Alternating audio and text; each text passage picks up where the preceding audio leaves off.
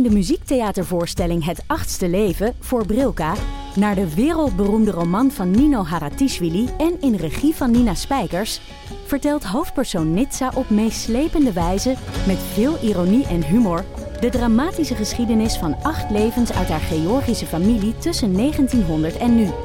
Een hartverscheurend en tegelijk troostrijk drama verteld vanuit het perspectief van vrouwen uit verschillende generaties.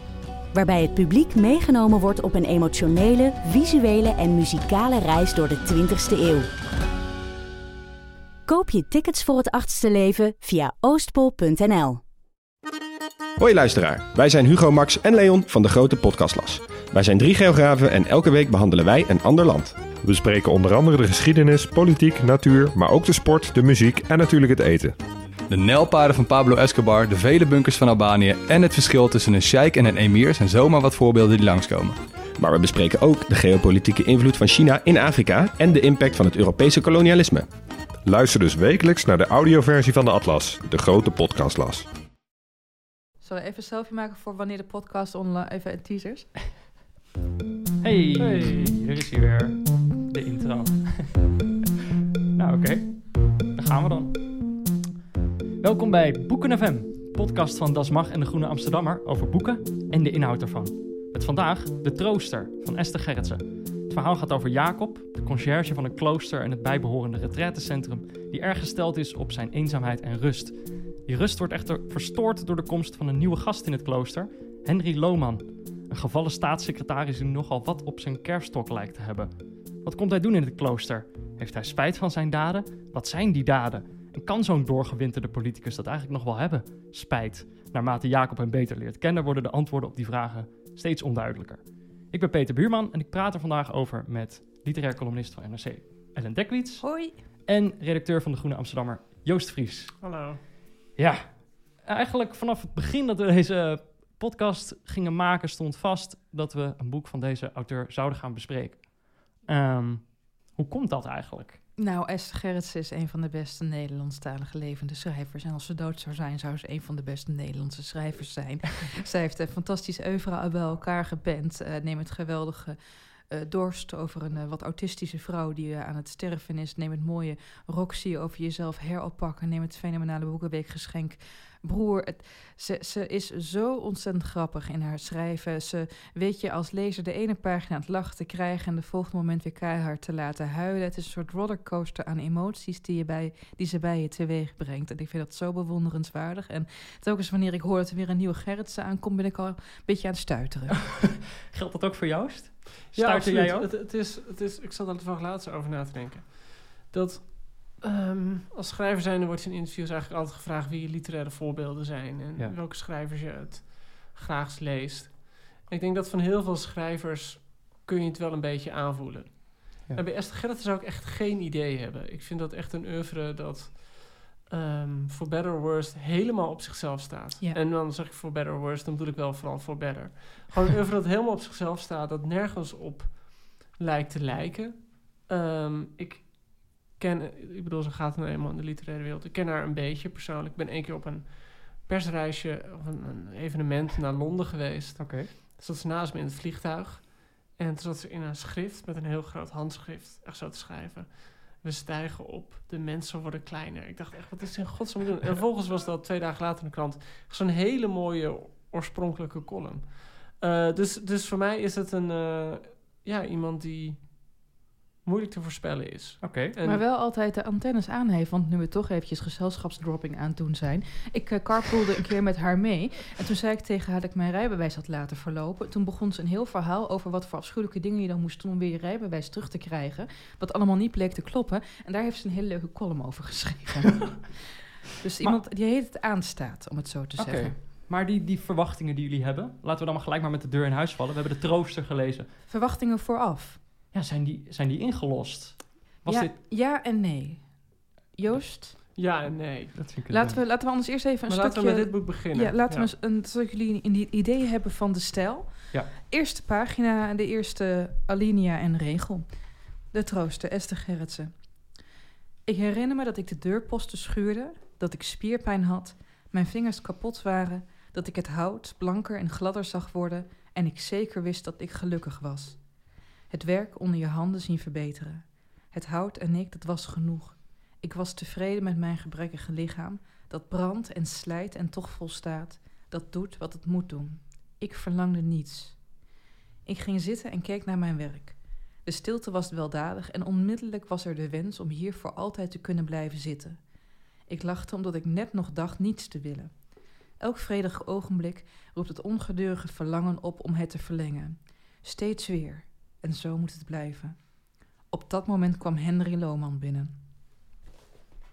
In medias res. Knal. Daar is hij dan. nou ja, dan is het gelijk eigenlijk neergezet waar, waar dit verhaal grotendeels over gaat, toch? De, de relatie tussen eh, Jacob, de, de conciërge van het klooster, en eh, Henry Lohman, de staatssecretaris. Die, eh, ja, wat komt hij eigenlijk doen, Joost? Ja, dat is een goede vraag. Ah, volgens mij is het een typisch geval van een man die op zoek is naar een pets op zijn vinger. Eh, hij is, zoals je al zei, hij is eigenlijk weggesneakt bij een ministerie.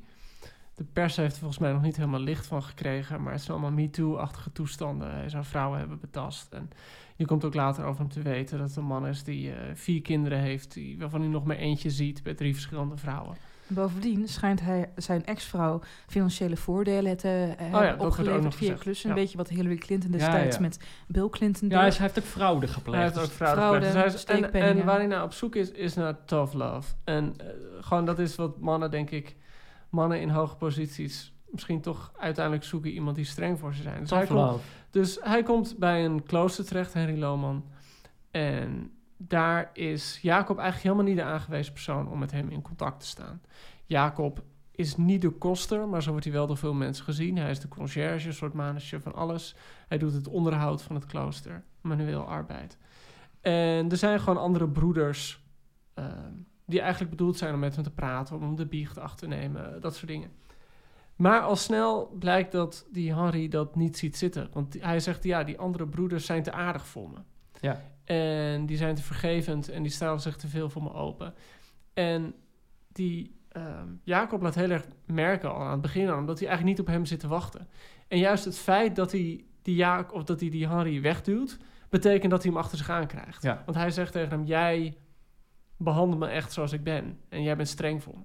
Ja, en daar komt ook nog eens bij dat Jacob geen mensenmens is. Hij heeft een ehm, gezichtsafwijking. Een gedeelte van zijn gezicht ja, trekt een beetje, zijn hoofd soort grimas, hangt scheef. De andere helft is vrij knap, maar ja, dan, je kan niet de hele tijd van de zijkant worden kan niet voor de bewonderd. helft, nee, je kan niet voor En- de helft knap zijn. Hij, hij, hij, hij, hij vindt in het klooster een soort eh, ja, zelfgekozen isolement. En hij is ook eigenlijk verbijsterd als iemand zoals Henry de hele tijd naar hem toe trekt. Want hij is lomp, bot tegen hem. Maar het is juist misschien die pets op die vingers die hij nodig heeft. Nou, misschien kan je nog iets anders bij bedenken ook. Ik zei dat hij op zoek is naar tough love, maar misschien is er ook nog iets anders aan de hand.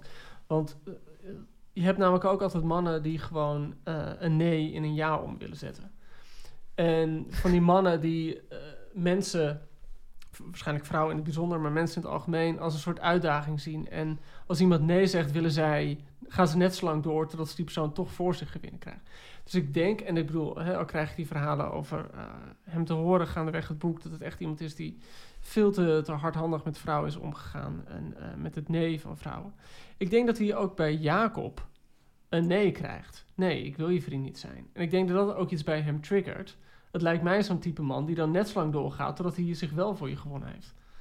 Dus ik denk dat dat ook meespeelt. Ja, en het levert wat dat betreft een soort ja, hard to get spel. Al is Ja. het geen spel, het is oprecht gedrag vanuit Jacob. Want die heeft even helemaal geen zin in zo'n gevallen politicus. Maar gaandeweg ontdooit hij toch en krijgt hij een lichte obsessie met hem. Op een gegeven moment lees je zelfs dat eh, hij Henry Strui eh, op zijn kamer heeft. En die trui dan ook aantrekt om in te gaan liggen. En vervolgens er een soort oceaan in kwelt per ongeluk in zijn slaap. Maar er is dus wel iets aan de hand. Het is eh, niet seksueel eh, van aard, althans daar, dat zijpelt nergens door. Maar er is een soort vriendschapsverliefdheid die gebaseerd is op aantrekken en afstoten. En dat maakt het bijzonder mooi om te zien. Zeker omdat Henry zo glad is als een aal, conversationeel gezien.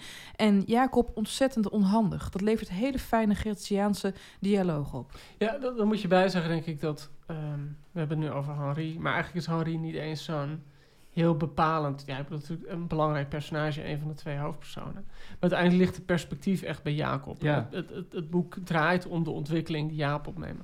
Ik weet niet of je dat een, een kwestie van ontdooien moet of eh, moet zien, of een kwestie dat het licht aangaat. Ik weet niet precies. Ik, ik denk dat hij een soort eh, wetsteen is waaraan Jacob zijn ethiek kan slijpen. Zoiets, dat is, dat is in één keer mooie. En ehm, dus het boek gaat uiteindelijk heel erg wat dat contact met Jacob voor hem doet. En we moeten er, of eh, wat contact met Harry voor uitoefening heeft op Jacob. Er moet bijgezegd worden, Jacob, ehm, het wordt niet heel exact beschreven, maar hij heeft iets aan zijn gezicht. Ja, er Dus wordt niet gezegd hoe dat komt. het wordt niet gezegd hoe het komt of wat het precies is, maar zijn gezicht is scheef. Ja. En hij zegt zelf, ik heb één mooie kant en één heel lelijke kant. En hij beschrijft, Esther bes- beschrijft, Esther Gerrits beschrijft ook heel mooi. Dat overal waar hij komt, hij mensen met een soort van te veel sympathie naar hem kijken. En dat mensen allemaal een beetje onzeker naar hem lachen. ja, dat ze Echt gelijk hun- al... Hun best willen laten Ja. doen van, zie je, ik schrik niet van hoe je eruit ziet. Maar met als gevolg dat het voor hem alleen maar in elk contact benadrukt wordt. Ja, maar ze ben- bena- be- benaderen hem eh, ook op een manier alsof hij misschien niet helemaal lekker is door zijn uiterlijk, toch? En dat, dat, dat voedt hij dan zelf ook, want dat vindt hij wel fijn, want dan gaan ze niet met hem praten. Toch, dat zegt hij ook. Dus hij is volgens mij heel erg gesteld op zijn, eh, zijn eenzaamheid eh, en op zijn alleen zijn. En, eh, Mag ik één ding zeggen? Ja. Ik wil niet van de hak op de tak gaan hoor, maar Ellen las net de Mag eerste bladzijde voor. oké, Eh, nu wil jij ook. Nee, ik, ja, nee, nee, maar wat ik heel hoor. grappig vond van... ehm, ik herinner me dat het, je vroeg net zo even, wat zijn jullie verwachtingen? Ja, En ik had het boek, heb ik meegenomen eh, tijdens Pasen en ik had het omslag thuis gelaten, het stofomslag, want het kreukt er niet. Dus ik ging het eigenlijk lezen zonder te weten wat nou, waar het nou precies over ging. En de eerste zin is dan, ik herinner me dat ik de deurposten schuurde, dat ik spierpijn had, mijn vingers kapot waren, dat ik het hout blanker en gladder zag worden. En toen zag ik meteen het woordje het hout. Ja. En het laatste Ja. boek dat ik over een klooster las, was Het Hout ah, van Jeroen Brouwers. Dat Ja. alleen maar over enorm misdra- misbruik en sadomasochistische relaties. Dus ik dacht, oh mijn ja, ik god, heb gaan we die kant op. Maar die kant gaan we dus helemaal niet op. Nee, ik vind het eigenlijk... Oh, Oh. hey. Rubriekje. Nou, moeten we doen. We hebben weer wat eh, lezersvragen gekregen. Mensen kunnen lezersvragen mailen naar... eh, dat hebben ze tot nu toe gedaan naar marsha.dasmag.nl. Maar dat moest ik steeds uitleggen hoe je dat spelde. Dus voortaan kan dat naar eh boekenfm.dasmag.nl. We hebben ons eigen e-mailadres gekregen. Ehm de vragen. Vraag 1. Ik hou erg van deze podcast. Nu al. Ook van de rubriekjes. Maar over een van die rubrieken struikel ik steeds. Al vraag ik me meteen af of dit niet mijn eigen seksisme is. Je voelt hem al aankomen. Die moeder die opeens opduikt. Wie is zij? Wat bedoelen jullie met zou je dit boek aan je moeder geven? Is zij de naïeve, allesetende lezer? Is zij de Fox Populi? Waarom je moeder, niet je vader? Of is die zijn auto aan het wassen? Veel groeten van trouwe luisteraar M uit U.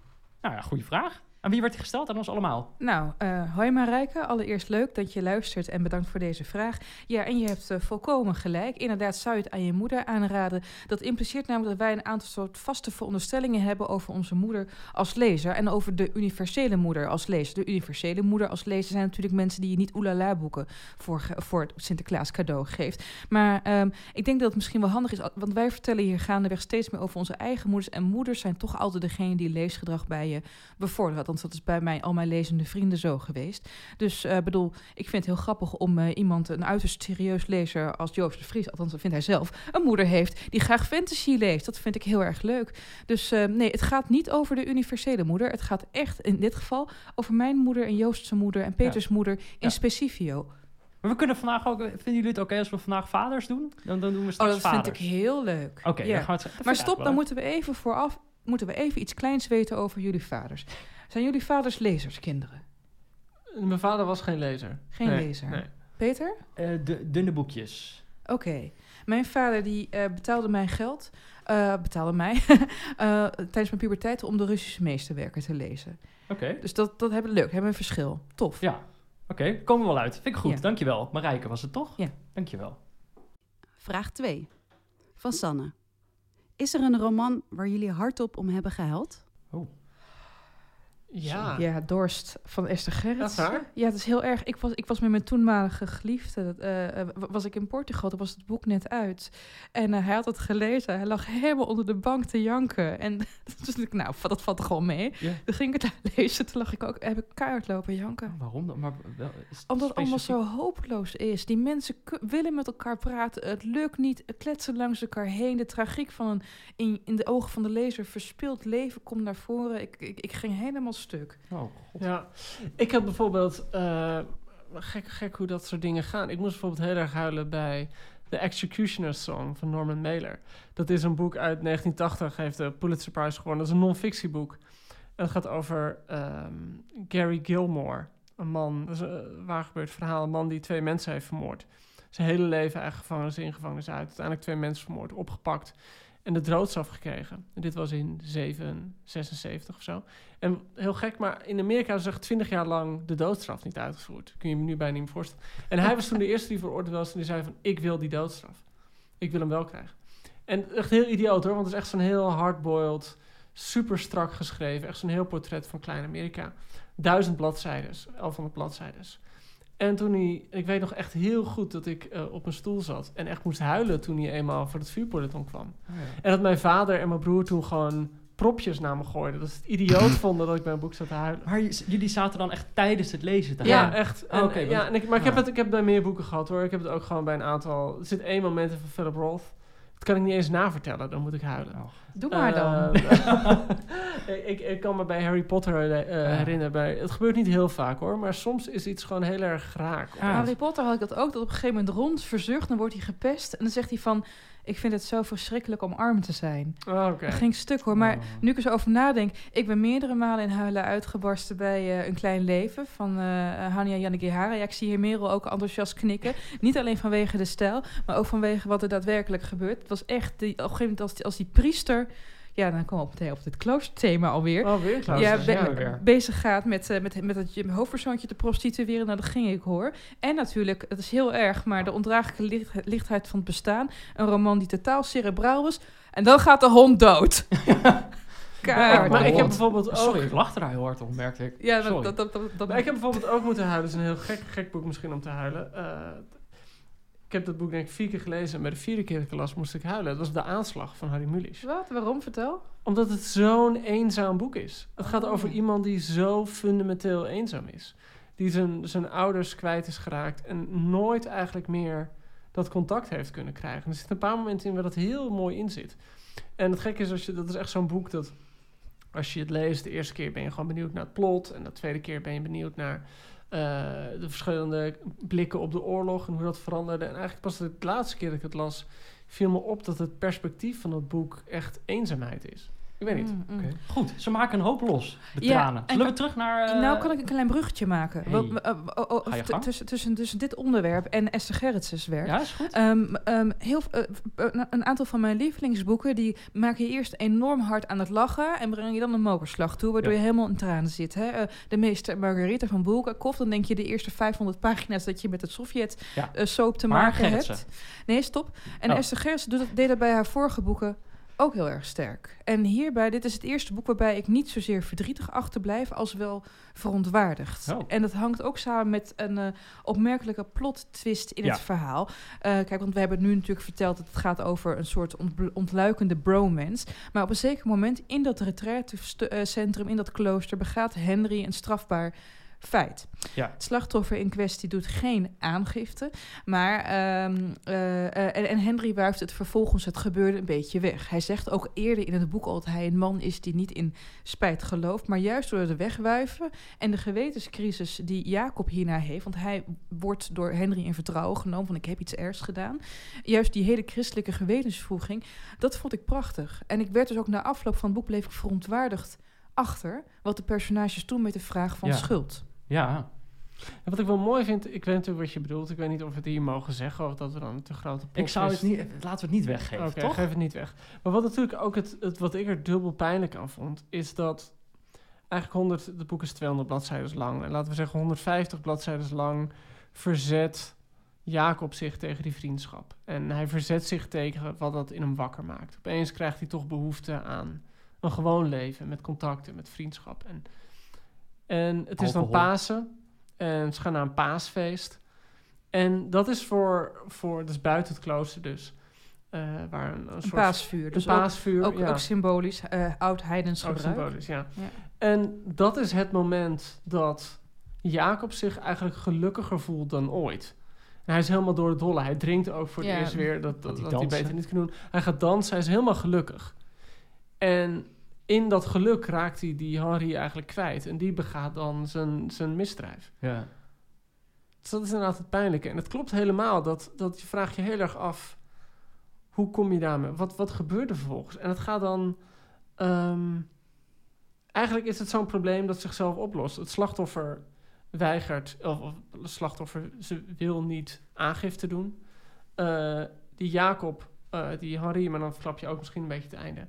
Voordat er het klooster iets tegen hem kan ondernemen... eh, hakt hij zelf al een knoop door... Dus eigenlijk is het een soort van misdrijf zonder schuld of zo. ja, ik vind misschien... en Of dat ja, wel, er is wel schuld, maar zonder eh, straf. Consequenties. Ja, Ja. zonder straf. Nou ja, maar ik, ik, ik, ik vond het wel grappig. We hebben het nu eigenlijk al... Ik weet niet precies hoe lang we bezig zijn... maar we hebben het al de hele tijd over een klooster. En net eigenlijk valt pas voor het eerst het woord christelijk. Ja. We hebben het de hele tijd over die vriendschap gehad. Eh, wat, wat, wat, wat, wat voor rol speelt het christendom eigenlijk in dit verhaal? Schuldvraag. Eigenlijk wel, hè? Schuldvraag, ja, absoluut. En ook de aansprakelijkheidskwestie.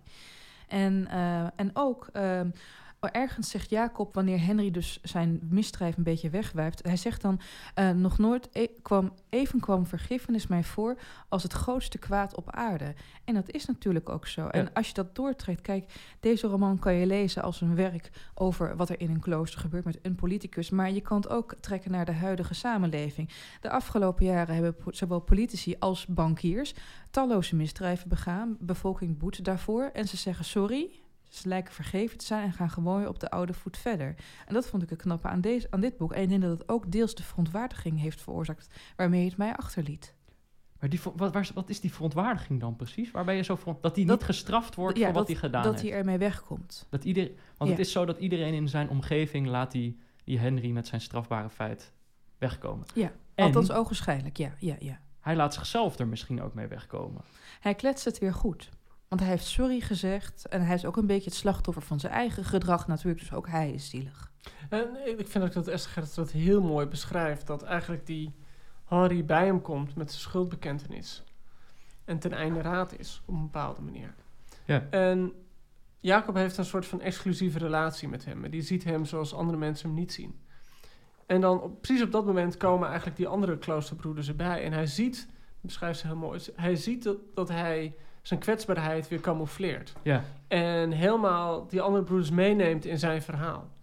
Er zijn wel momenten van kwetsbaarheid dat die Henry echt eh, Ja, absoluut. niet weet wat hij met zichzelf aan moet.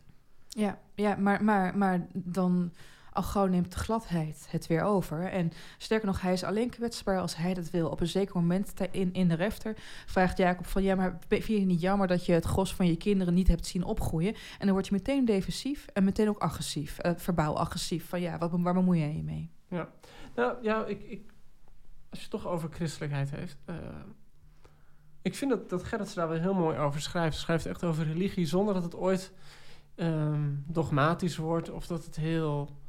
Eh, Stop, is het dan goed? Als je over ja, ik, religie ik, ik schrijft hoor, me, ik hoor mezelf net zeggen dat het is misschien een beetje flauw om als, als je het over religie hebt om meteen het woord dogma te gebruiken. Dat, dat is inderdaad. Maar laat ik het zo zeggen. Ze schrijft heel mooi eigenlijk over dat leven in dat klooster en dat, dat soort van simpele dagelijkse geluk van Jacob. En het, het genot van de stilte en het genot daar zijn. En schrijft ook, vind ik, heel mooi over hoe Jacob voor zijn gevoel met God in contact staat. En het zit heel erg in het arbeid, het zit heel erg in het dingen doen.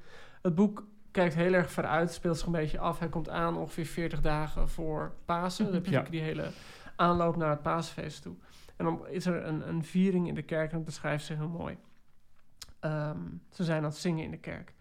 En dan zegt eh, Jacob: Van mij geen beschroomd gezang, bescheiden gezang vandaag. In plaats daarvan een keel die openging als dat van een spreeuwjong dat gevoed wordt. Mogen zijn luister heel de arend vullen. Amen, amen. Mijn borstkast verruimde zich.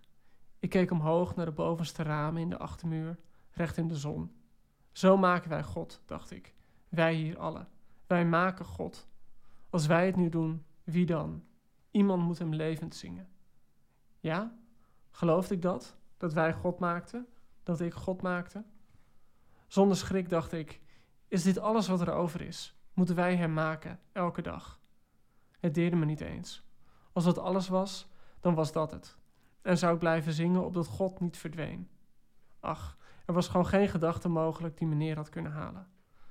Gelukkig zijn wij mensen, zei de voorganger. En ik knikte. Die mogen aanzitten aan de tafel van de Heer. En daar was de tafel. Wij maakten zijn tafel. Wij maakten zijn brood, zijn lichaam, zijn bloed. Vind ik op zich een heel mooi idee. Dat je eh, bijna, misschien moet je dat ook een atheïstisch idee noemen. Het idee dat je God maakt. Dat Ja. hij er anders niet is. Ja, het, het Is dat niet... een typisch idee van een atheïst?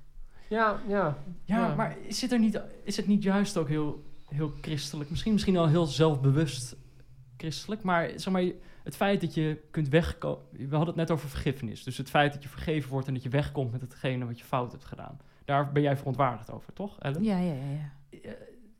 Is dat niet, zeg maar, krijg je als lezer niet de keuze om daar zelf je oordeel over te vellen? Zeg maar, komt het niet aan op je eigen geloof eigenlijk?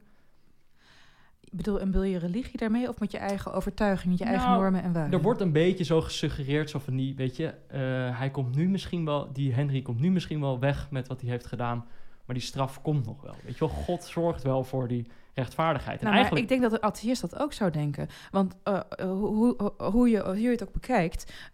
zelfs de ethiek van de meeste atheïsten die ik ken is bepaald... heeft een christelijk fundament. Simpelweg omdat we in een christelijk land zijn opgevoed. Ik bedoel, en dan heb ik het niet eens over de ethiek... dat je niet met een kind naar bed gaat... en je vader en moeder gewoon een beetje aardig behandelt. Ja. Maar eerder van, we geloven in een soort vorm van... ehm, rechtvaardigheid. rechtvaardigheid. Karma Maar is dat Ja, eigenlijk- die, die term wil ik dus niet gebruiken. Nee, oké, ja, nee, ja, ja, ja, ik, ik, ik gebruik het nu op de meest atheïstische manier met het idee dat, dat er wel degelijk een soort van straf, eh schuld Maar komt het daar dan niet op aan? Of je zelf gelooft in die rechtvaardigheid? Ja, maar de- denk je, denken, jullie, ehm, Het gaat om onmacht. denken jullie dat hij ermee wegkomt dan? Nee, ik denk het niet. Ik denk het wel namelijk. Ah, oké. Want waarom? Omdat eigenlijk alle mechanismes die hem zouden moeten straffen, niet optreden, niet gelden. Er wordt geen aangifte tegen hem gedaan. Hij besluit zelf uit het klooster te treden. Eh, er zijn eigenlijk geen mogelijkheden nog om hem aan te pakken. Nou ja, maar aan de andere kant, kijk, de, de, op een gegeven moment weten de, de, de broeders van de klooster, die zijn ook van de, op de hoogte, niet alleen Jacob weten. En die hebben toch wel erg hun twijfels ermee. En eh, ik weet niet, ik, het- ik weet met mijn rechtskennis zit het niet zo goed, maar ik weet als, ehm, als je zelf, je kan, kan je namens iemand aangifte doen ja, ik of denk niet? het wel. Ja. Ja. Ja, ik, ben ook niet, ik ben niet onderlegd om daar een antwoord op te kunnen geven. Nog niet. Nog- Nog niet. Misschien is een van Niet. onze luisteraars, kan hij een luistervraag. Heel graag. Ja, trouwens, op, eh, opeens bedenk ik dat inderdaad een van die broeders zegt: Dit is nog niet afgelopen. Ja, Johan. op het eind. Ja. Ja. Johan zegt dat. Je hebt gelijk. Ja. Maar dat is... Oh. Volgens mij echt elke keer als ik zeg, maar dat is... Dan komt er een, eh een jingletje in. Ehm favoriete... We hebben al een paar zinnen de revue laten passeren. Zullen we het daar even over, over hebben, de favoriete zinnen? Kun je iets zeggen over de stijl? Wij. Echt veel. Ja, misschien is dat, kunnen we het daar meteen, hierna meteen over de stijl hebben. Als we dan eerst allemaal ons, ons zinnetje doen. Op welke pagina staat jullie zinnetje? Dan kunnen ze misschien op volgorde doen. Mijn, mijn zinnetje staat op eh, eh, pagina 141. Oké, dus voor mij staat het op 27. Oké, ik ben nog even aan het zoeken, sorry. Oké, Ik had hem ergens. dan zal ik alvast beginnen dan. Oh ja. Mijn, mijn op eh, pagina 27 was eh, een citaat van Jacob zelf, de ik-figuur. Ik herinner me dat mijn buurkinderen vadertje en moedertje speelden. En dan zeiden ze meestal, en jij was onze hond. Ik was volmaakt tevreden dat ik überhaupt een rol had. Vond ik zoveel, ik vond het heel grappig. Het zegt zoveel over wat voor een persoon hij is. En je ziet hem al dan de hele tijd over het klooster. En dan is hij weer aan het harken. En dan moet hij de, de boiler bijvullen en allemaal dat soort dingen. En dan is hij, hij is eigenlijk de hond van het klooster ook. Het is grappig dat je het zegt, want op een gegeven moment in Dorst, eh, de hoofdpersoon ligt op sterven en dan komt haar ex-man haar nog even bezoeken en dan wil zij graag dat zij, hij even een hond speelt. Dan Oh, voelt ja. ze zich beter. Toen gaat hij ook op, neer en woef zeggen. Nee, nee fantastische zin. Wa- wa- Wat ik een mooi stuk vond, niet zozeer lievelings, maar wel lievelingsuitspraak, is van, eh, van, van Johan. Eh, op een gegeven moment raakt hij met, eh, ik, ik geloof, met, met, met- met Henry en met eh, goh, Jacob in gesprek. Johan is ook een broeder. Johan is een broeder, is de opperbroeder. En ehm, dat gaat dan over de heidense origins van het paasfeest. Hè? Dat was natuurlijk in vroeger tijd Ostara, de paasvuren die nog steeds in het oosten flink worden eh, gehouden. En op een gegeven moment eh, zegt Henry, ja, moeten we dan niet gewoon dat erbij houden? Zegt Johan, nee, helaas. Wat mensen uit hun jeugd kennen, dat is de waarheid en dat is hun traditie. Veel verder gaat het niet. En dat vond ik een hele mooie gedachte. Ik ken genoeg mensen die zeggen dat omdat een traditie zogenaamd millennia oud is, we hem in ere moeten houden. Maar het heeft hierbij gewoon niets meer en niets minder te maken dan met slechts jeugdsentiment. Ja, Vond ik een heel fijn idee. oké. Joost, ben jij al op jouw favoriete zin gestuurd? Je bent hem Ja. gewoon opnieuw, Joost hem gewoon Ik- ik opnieuw zat- aan het lezen. Ik ben gewoon opnieuw aan het lezen. Nou, wat, wat, ik, wat ik een mooie zin vond, en niet zozeer stilistisch mooie zin, maar ik vind het een grappige reactie. Eh, omdat ik die eigenlijk ook wel begrijp op een bepaalde manier. Op een gegeven moment, eh Henri is net aangekomen, die is dan steeds in gesprek met Jacob over wat geloof nou precies is. En wat de Bijbel precies is, en wat het christendom precies is. Hij is op 109. En dan zegt hij, waar de meeste mensen Pontius Pilatus als lafaard wegzetten, met de handen die hij in onschuld waste, zo zei Henry eenvoudig. Hij heeft het geprobeerd. en op een bepaalde manier zag dat, we hadden het net al over schuld en boete en, en wanneer ben je aansprakelijk voor iets en wanneer kom je ergens mee weg. Op een bepaalde manier vind ik dat een soort van menselijkheid die ik, Je begrijpt hem wel. die ik hem begrijp. Ja, Ja. zo van, ach ja, Pontius Pilatus, ja, hij heeft Christus de kans gegeven. Ik moest daar Ja, echt... Christus verloochende zichzelf niet. En toen, ja, dan... eh, Ik moest ja, het zegt heel veel over een soort van de morele, eh, dubieuze eh, positie waarin die Henry zich... Ja, en ook wat typisch is aan het begin wanneer hij eh, Jacob ontmoet, is die heet aan het emmeren over hoe geweldig Paulus eh, eh, oh, is. ja. En hoe erg hij zelf op Paulus lijkt. En Paulus heeft natuurlijk eerst keihard christenen lopen vervolgen voordat hij het licht zat. En misschien dat Henry ook wel wacht op een moment van inzicht waarop hij een aardig persoon wordt. Maar Harry is natuurlijk ook... hij, volgens mij haalt hij Paulus met Petrus in de war. Want hij, hij is ervan overtuigd dat Paulus eh, een van de eh, apostelen was. Een van de discipelen van ja, Jezus. ja. en Eh, dan verbetert. En dat, dat is natuurlijk niet. ja. Hij kwam pas zoveel jaar later. Maar ik heb wel het idee dat we nu heel erg het, het gesprek over het boek laten domineren... uiteindelijk door Henri. Terwijl het boek natuurlijk eigenlijk over Jacob gaat. Ja. Nou, ik- en wat ik, ja. wat ik heel fascinerend vind aan Jacob... en ik vind dat, dat Esther Gerrits dat ook wel met zelfvertrouwen doet... wordt heel vaak, word je als romanschrijver, vaak genoeg in ieder geval... kom je het verwijt van recent tegen dat er te veel losse eindjes zijn in het boek... en dat verhalen niet worden afgemaakt. Al krijg je, wat je het beeld dat je van Jacob krijgt... zijn er heel veel dingen die niet worden afgemaakt. Dus je weet niet wat er nou precies met zijn gezicht is gebeurd. Je weet niet precies hoe hij in een klooster is gekomen. Hij heeft ooit een tijdje een vriendin gehad, heeft hij mee samengewoond. Waarom dat precies stuk is gelopen en hoe, je voelt er wel een beetje aan, maar dat wordt niet Ja. verteld. Op een bepaalde manier, en daar hou ik heel erg van de literatuur, krijg je nooit bij Jacob een soort van sluitende karakterstudie gepresenteerd. Het is echt iets, ook omdat hij wat hij doet heel vaak tegenstrijdig is. Hij zegt iets, hij kan wat anders doen. Waardoor je heel erg het gevoel, waardoor het, vond ik het eigenlijk een heel fascinerend personage blijft. Ja, terwijl eigenlijk het, eh, op het eerste gezicht zou je denk ik denken dat, eh, dat zo iemand als Henry, Henry, Henry, we, we geven hem Ja. verschillende namen, dat dat eigenlijk het meest, inter- meest interessante personage is. Ik dacht eh, dat negen van de tien schrijvers hadden gekozen voor Henry als ik-figuur. Weet je wel, de, de gevallen politicus die Dan ze zou het een naar satire zijn geworden. Ja, dan had je, ja, helemaal mee eens. En, en nu is het in plaats eh, van een satire eh, een melodrama, een tragedie haast. Ja, maar het, is ook, het verlegt ook de blik naar eigenlijk, weet je wel, de conciërges. Degene die zorgt dat alles blijft draaien. En dat in zo'n klooster die muren ook, of die, die deuren ook geschuurd worden en dat soort dingen. Nou ja, maar aan de andere kant, in het klo- hij vergeet de hele tijd de cv-ketel bij te vullen vanwege zijn obsessie met Henry. dus iedereen heeft het steenkoud. Hij sloopt ongeveer de ingang van de kerk, van de kapel. om- als, er Pasen is, dus Alles alle gaat mensen- ook mis. Ja, ja, het is, het is niet een goede timmerman. Nee. In tegenstelling tot Jezus vader. Ja. we hebben het, Eh. jij begon net over de stijl, Joost. Daar wil je nog nou, wat over zeggen? Nee, ik wil echt niet iets over de stijl zeggen. Oh. Waar ik wel iets over zou willen zeggen is... ehm, om terug te komen op je vraag... Was dit wat je verwachtte, dit boek? Ja. Ja. Om te zeggen, nee, dit was totaal niet wat ik verwachtte. Oké. Ik weet nog, het boek is namelijk echt een, een, ja, laten we zeggen, een uitschieter in het oeuvre van Esther Gerrits. Het eerste boek dat ik van haar las was Superduif. Ja. Wat echt een meesterlijk boek is. Eh, Goeie titel. los daarvan, super, daarvoor had ze een Ja. paar boeken die ook wel over eh, een verhalenbundel, volgens mij twee romans, iets kleiner. Lange dagen. Eh, lange Maar dagen, kleine miserige god. En Superduif was het eerste dat ik las. En dat is echt een boek dat ik eh, iedereen altijd kan aanbevelen. Want, het gaat over, eh, het gaat over een elfjarig meisje die met haar ouders in een, een zo'n typische buitenwijk woont. En ehm, die, het huwelijk van die ouders gaat niet helemaal gelukkig, geloof ik. Ze wordt gepest op school. En op een dag springt ze over een hekje heen en blijft ze zweven in de lucht. En vanaf dat moment is zij ervan overtuigd dat zij in een, in een hele grote duif kan veranderen. Mhm. En in die gedaante van die duif dat ze mensen kan redden. En dat ze mensen te hulp kan schieten. En dat boek gaat eigenlijk heel erg over... Ja, aan de ene kant haar, haar dagelijkse leven op school en thuis... wat heel ongelukkig is. Aan de andere kant dus een soort van... Ja, grootheidsfantasie dat ze een superheld is. Ja. En de laatste zin van het boek is... eh, weet ik uit mijn hoofd, want ik heb het er met mensen over gehad. Eh, ze zitten dan met die ouders apart en die zeggen: Wat is er met je? Wat is er met je? En dan zegt ze, en dat is de slotzin: Ik wil dood. En ik moest daar heel erg om lachen. En ik zei: Ha ha ha. En een collega van me had het ook gelezen. Die zei: Wat doe jij nou? Dat is super.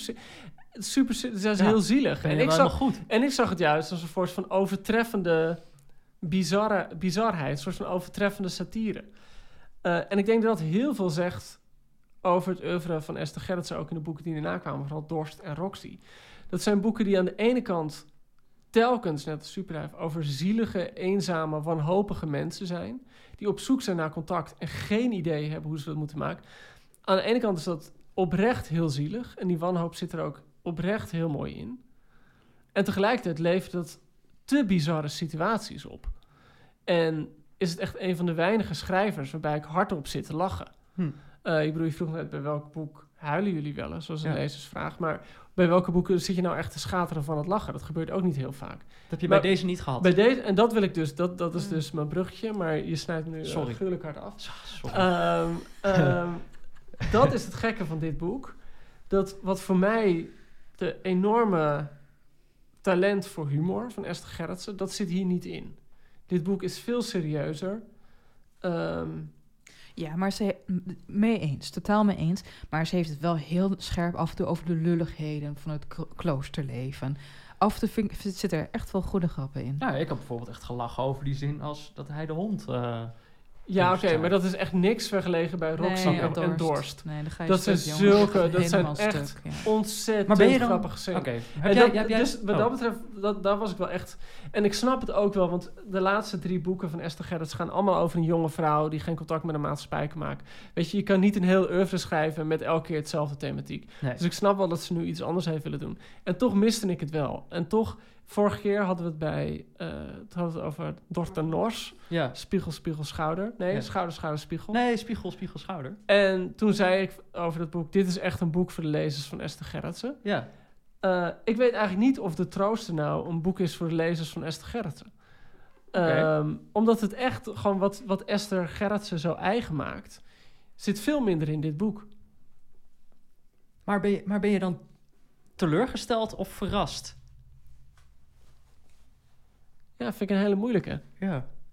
Want eh, voor de goede orde, het boek zit echt heel goed in elkaar... en ehm, is op heel veel verschillende manieren interessant... En toch ging ik het wel lezen met het idee... yes, Esther Gerritsen lekker lachen. Ja. Wat, wat ook heel dom Ja, is ja. of zo. En ik bedoel, je kan ook niet een schrijver verwijten dat ze niet het boek heeft geschreven dat jij wilde dat ze schreef. Mhm. Maar ik was daar wel een beetje teleurgesteld over. Oké. En jij, Ellen? Ja, eh, nou weet je, ik, ik ben niet qua plot teleurgesteld. Eh, ik ben een beetje teleurgesteld qua eh, letterlijk en figuurlijk de dikte. Om de een of andere reden waren de vorige boeken intenser. Die personages kwamen iets harder binnen. De stijl was iets meer ingedikt. Hier zat ik af en toe ook wel een beetje te strepen. Dat ik dacht van ja, een redacteur heeft hier toch een paar eh, ja, steken laten liggen. Oké, oh, dat- Maar eh, ik vind het, eh, als dit een nieuwe weg is die ze inslaat... Dus, Ja. want dit is ook eigenlijk een heel geëngageerd werk... Mhm. ben ik reuze blij daarmee. Oké. Oh, dat is een heel positief oordeel dan. Ja. Ik dacht, dit we stevenen keihard Nee, af nee, op. Nee, nee, opeens- ik vind het bewonderenswaardig. Oké. Ja. Joost niet. Ja, nou, nou niet bewonderenswaardig. Het is gewoon... eh, het, is, het is een goed boek. dat klinkt echt heel dom als ik dat zo zeg. Nee, het, het, het, het is... ehm, ja, ik, ik zit er dus zelf gewoon mee. Met mijn eigen vooringenomenheid, als het ware. Dat ik Ja. dacht, oh, lekker een Esther Gerritsen over gekke vrouwen die in paniek seks hebben en eh, rare dingen doen. Ik zal nooit vergeten dat zat En dan krijg je de conciërge uit Dorst, klooster. Zodat. Toen was ik net verhuisd naar Amsterdam. En ik woonde zo, woon nog steeds aan het einde van de Kinkerstraat. En zij beschrijft, haar boek speelt zich daar precies af. En het is een meisje dat eigenlijk verslaafd is aan eten ook. En dan elke keer naar de- snackbar gaan. Het was dezelfde snackbar waar ik elke dag langs fietste. Mhm. En er hing zo'n bordje met raspatat. En die, die, het personage beschrijft echt van... als ze maar raspatat hebben, als ze maar rap... En vervolgens komt ze daarna en dan ziet ze de raspatatapparaat niet. Ja. En dan raakt ze helemaal in paniek. En eh, dus op een of andere manier... Soms, ik bedoel, je, je vroeg net, huilen jullie wel zo'n boek? Soms lees je ook een boek gewoon op een bepaald moment... Waardoor het gewoon zo voor eeuwig in je geheugen zit. En dat heb ik met Ja. dat boek heel erg. Gewoon die eerste weken dat ik in Amsterdam woonde... en dat ik dat boek las. En dat dat gewoon elke... Ik heb nu nog steeds... Als ik er hangen daar bui- buiten die snackbar hangen toch vlaggetjes met erop I love ras. Ja. Het valt heel erg Maar op. ik vind dat ze daar inmiddels wel een, een, een Esther Gerritsen eh, boek in de etalage mogen zetten. Oké, nou, dan- hey, oké. We zijn er doorheen, denk ik. Ik denk dat we er doorheen zijn. Ehm, oké, dan gaan we nu nog... Hebben jullie een blurb voorbereid? Dan gaan we een blurb geven en een cijfer. Dacht ik misschien wel leuk als je de blurb geeft en dan direct daarna zo het cijfer. Zelf, zeg maar. Het mag een zo slecht mogelijke blurb zijn, toch? Nou ja, zo, net zo slecht als dat de blurbs doorgaans zijn. Ze mogen ook slechter zijn. Nog slechter. Oké. Het is Ehm, een uitdaging. Ik zat te denken... In de armen van de trooster kan ik me wel uithuilen. Zoiets. Nou, die was niet helemaal grammaticaal correct. Maar ik verzin hem net te plekken. Eh, Heb jij een beter? Nee, ik, nee, nee, eigenlijk niet. Ik kan Oh. eh, en, eh, ik- ik- weer een boek over het klooster. Ja, maar nu leuk. Zeg, nee, maar dat, dat klinkt ook lullig, want dat, En dan- impliceert En dat dan ik hashtag Jeroen Brouwers. het, ja, maar dat impliceert dat ik het hout geen goed boek vond. Ik vond het hout een fantastisch boek. ja, fantastisch boek. Dus dat, dat is ook weer niet aardig. En ik hou van Jeroen Brouwers. Ehm, een boek over het klooster zonder seks met minderjarigen. Hey, dat, is een, Nou. dat is een hele aanbeveling. Ik Ja. geef het een 8. Oké, en jij Joost? Ah, ik geef het een, eh, een 7,3. Zo, oef. Wat geef jij, Peter? Ja, mijn blurb was altijd al willen weten hoe het met Fred Teven zou zijn afgelopen als hij geen buschauffeur was geworden, maar het klooster in was gegaan. dan is de trooster iets voor jou. en ik, eh, ik gaf het een 8,2, want ik vond het hartstikke leuk. Mooi. Ja. Oh, zijn één ding vergeten. Wat? Zou je het aan je vader aanbevelen? Oh, ehm, nee. Oh. Nee, nee, maar dat is eerder mijn vader. Die houdt toch meer van eh, grote Russische romans. Ik heb, eh, ik heb hem echt moeten dwingen om bijvoorbeeld iets van Murakami te lezen. Ja. Nee, het moet echt allemaal voor, eh, voor eh, 1901 zijn gebeurd in die romans. Dit is gewoon te oud voor Nou hem. ja, Dat is niet te nieuw bedoel ik. Oké. Nine. En jouw, jouw vader, Joost? Eh, mijn vader leeft niet meer, Peter. Ik vind het een Hypothetisch, beetje gemeen- Joost. Een beetje gemeen dat je vader. dit zo Speelt hij de wat weer? mij dat heeft gedaan. Nee. Ehm, ik heb het niet bedacht. ik- toevallig had ik mijn moeder aan de telefoon. Toen zei ik, en die zei, oh, gaan jullie podcast doen? Toen zei, over welk boek? Toen zei ik, Esther Gerritsen. Toen zei ik, moet ik dat in jou aanbevelen? Toen zei ze, ja, ik, ik ben niet zo van Esther Gerritsen. Dus mijn Hm. moeder valt af. En mijn vader had volgens mij... Bij mijn vader in de kast stonden vooral het boek van Jan Wolkers. En dan vooral vanwege de, de vieze passages, volgens mij. Naakt over de schutting ook. Fanny Oh. Hill, dat soort dingen. Dus ik denk niet dat dit helemaal eh, voor hem was geweest. Ja, mijn vader is ehm, gepromoveerd als nu- natuurkundige. Ah. Meestal de boeken die hij leest gaan ook vaak wel over dat soort onderwerpen. Hij leest heel veel non-fictie. Dus ik, ik, en vaak, wat ik al zei, ze zijn heel dun. Dus wat dat betreft, het boek is niet bijster dik. Dat, in Nee, dat geval, dat- Ja, sorry. in dat geval kan het best. Oké. Ja, ik weet het, ik, ik zou het wel spannend... Hij, hij staat over het algemeen... Staat hij best wel open voor, eh, voor aanbevelingen. Dus ik denk dat ik het gewoon maar zou proberen. En dan kijken eh, wat hij ervan vindt. Top. Oké, dan hebben we, dat ge- hebben we dat gehad. Goed, dit was eh Boeken FM. De podcast van Das Mag en de Groene Amsterdammer over boeken en de inhoud ervan. Ja, nu vergeet je wel eh, om een kleine sneak preview Nee, te maar doen. dat ging ik nu doen. Oh, geweldig. Oké, oké, ga door. Zo, niks Ik geloof er niks van. Eh, ja, een sneak preview. De volgende aflevering gaat namelijk over de genomineerden voor de Libris Literatuurprijs. Daar We gaan ze allemaal lezen Yes. en eh, we gaan het daarover hebben. We gaan het over alle boeken hebben. We gaan ook eh, zeggen welke we denken dat wint, welke had moeten winnen, welke genomineerd had moeten worden. Enfin, dat eh, hoor je straks allemaal wel. Ehm, tot die tijd, heb je nou ook de trooster gelezen en denk je, eh, wat, j- jullie zijn wat vergeten? Stuur dan een luistervraag. Eh, of als je gewoon wat anders wil vragen, dan mag dat natuurlijk ook. Dat kan naar boekenfm.dasmag.nl Oké, Joost, bedankt. Top. Ellen, dankjewel. Dankjewel Peter, jou ook En, bedankt. eh, tot de volgende. yes. Nog even over die grootse en epische muziektheatervoorstelling. Het achtste leven voor Brilka is een marathonvoorstelling van 5 uur. Koop je tickets voor deze bijzondere theateravond via oostpol.nl.